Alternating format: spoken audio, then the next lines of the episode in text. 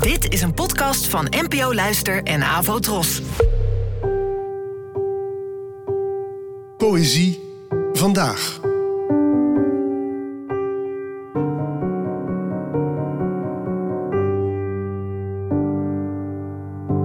Hallo, dankjewel dat je luistert.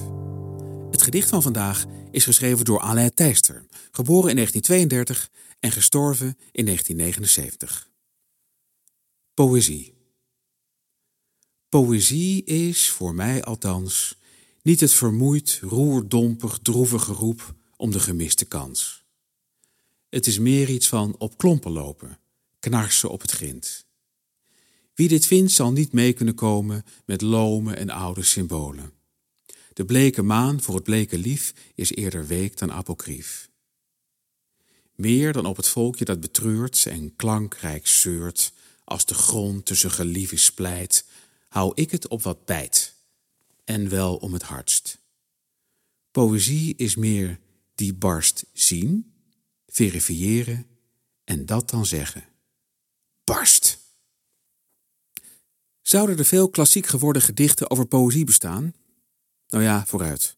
Poëzie is een daad van Remco Kampert misschien, met die regels: ik bevestig dat ik leef, dat ik niet alleen leef. En dat wonderlijk specifieke feitje over Voltaire, die met onder andere 120 liter limonade van de pokken wist af te komen, op papier althans. En de dood die een ontroering is. Verder zou ik het zo snel niet weten. De reden laat zich raden. Voor verreweg de meeste lezers is een gedicht over een thema dat ze min of meer interesseert al een opgave. Wanneer het gedicht dan ook nog met naam en toenaam over poëzie gaat, weet je zeker dat het aantal enthousiastelingen ervoor krimpt tot een handvol beroepslezers. Toegegeven, zelf hou ik er meestal ook niet van. Van die metapoëzie waarin dichters hun eigen geurvlag op het papier planten. Kijk, lees maar, zo moet het, dichten. Hier staat het. Iedereen die er anders over denkt is een charlatan en een prutser. Maar voor dit gedicht en voor deze dichter heb ik een zwak. Thijster is alweer een hele tijd dood. En ook het gedicht heeft inmiddels het krakelé van ouder wordende schilderijen. En een vorm die goed past bij hoe er eind jaren 60, begin jaren 70 wel meer werd geschreven.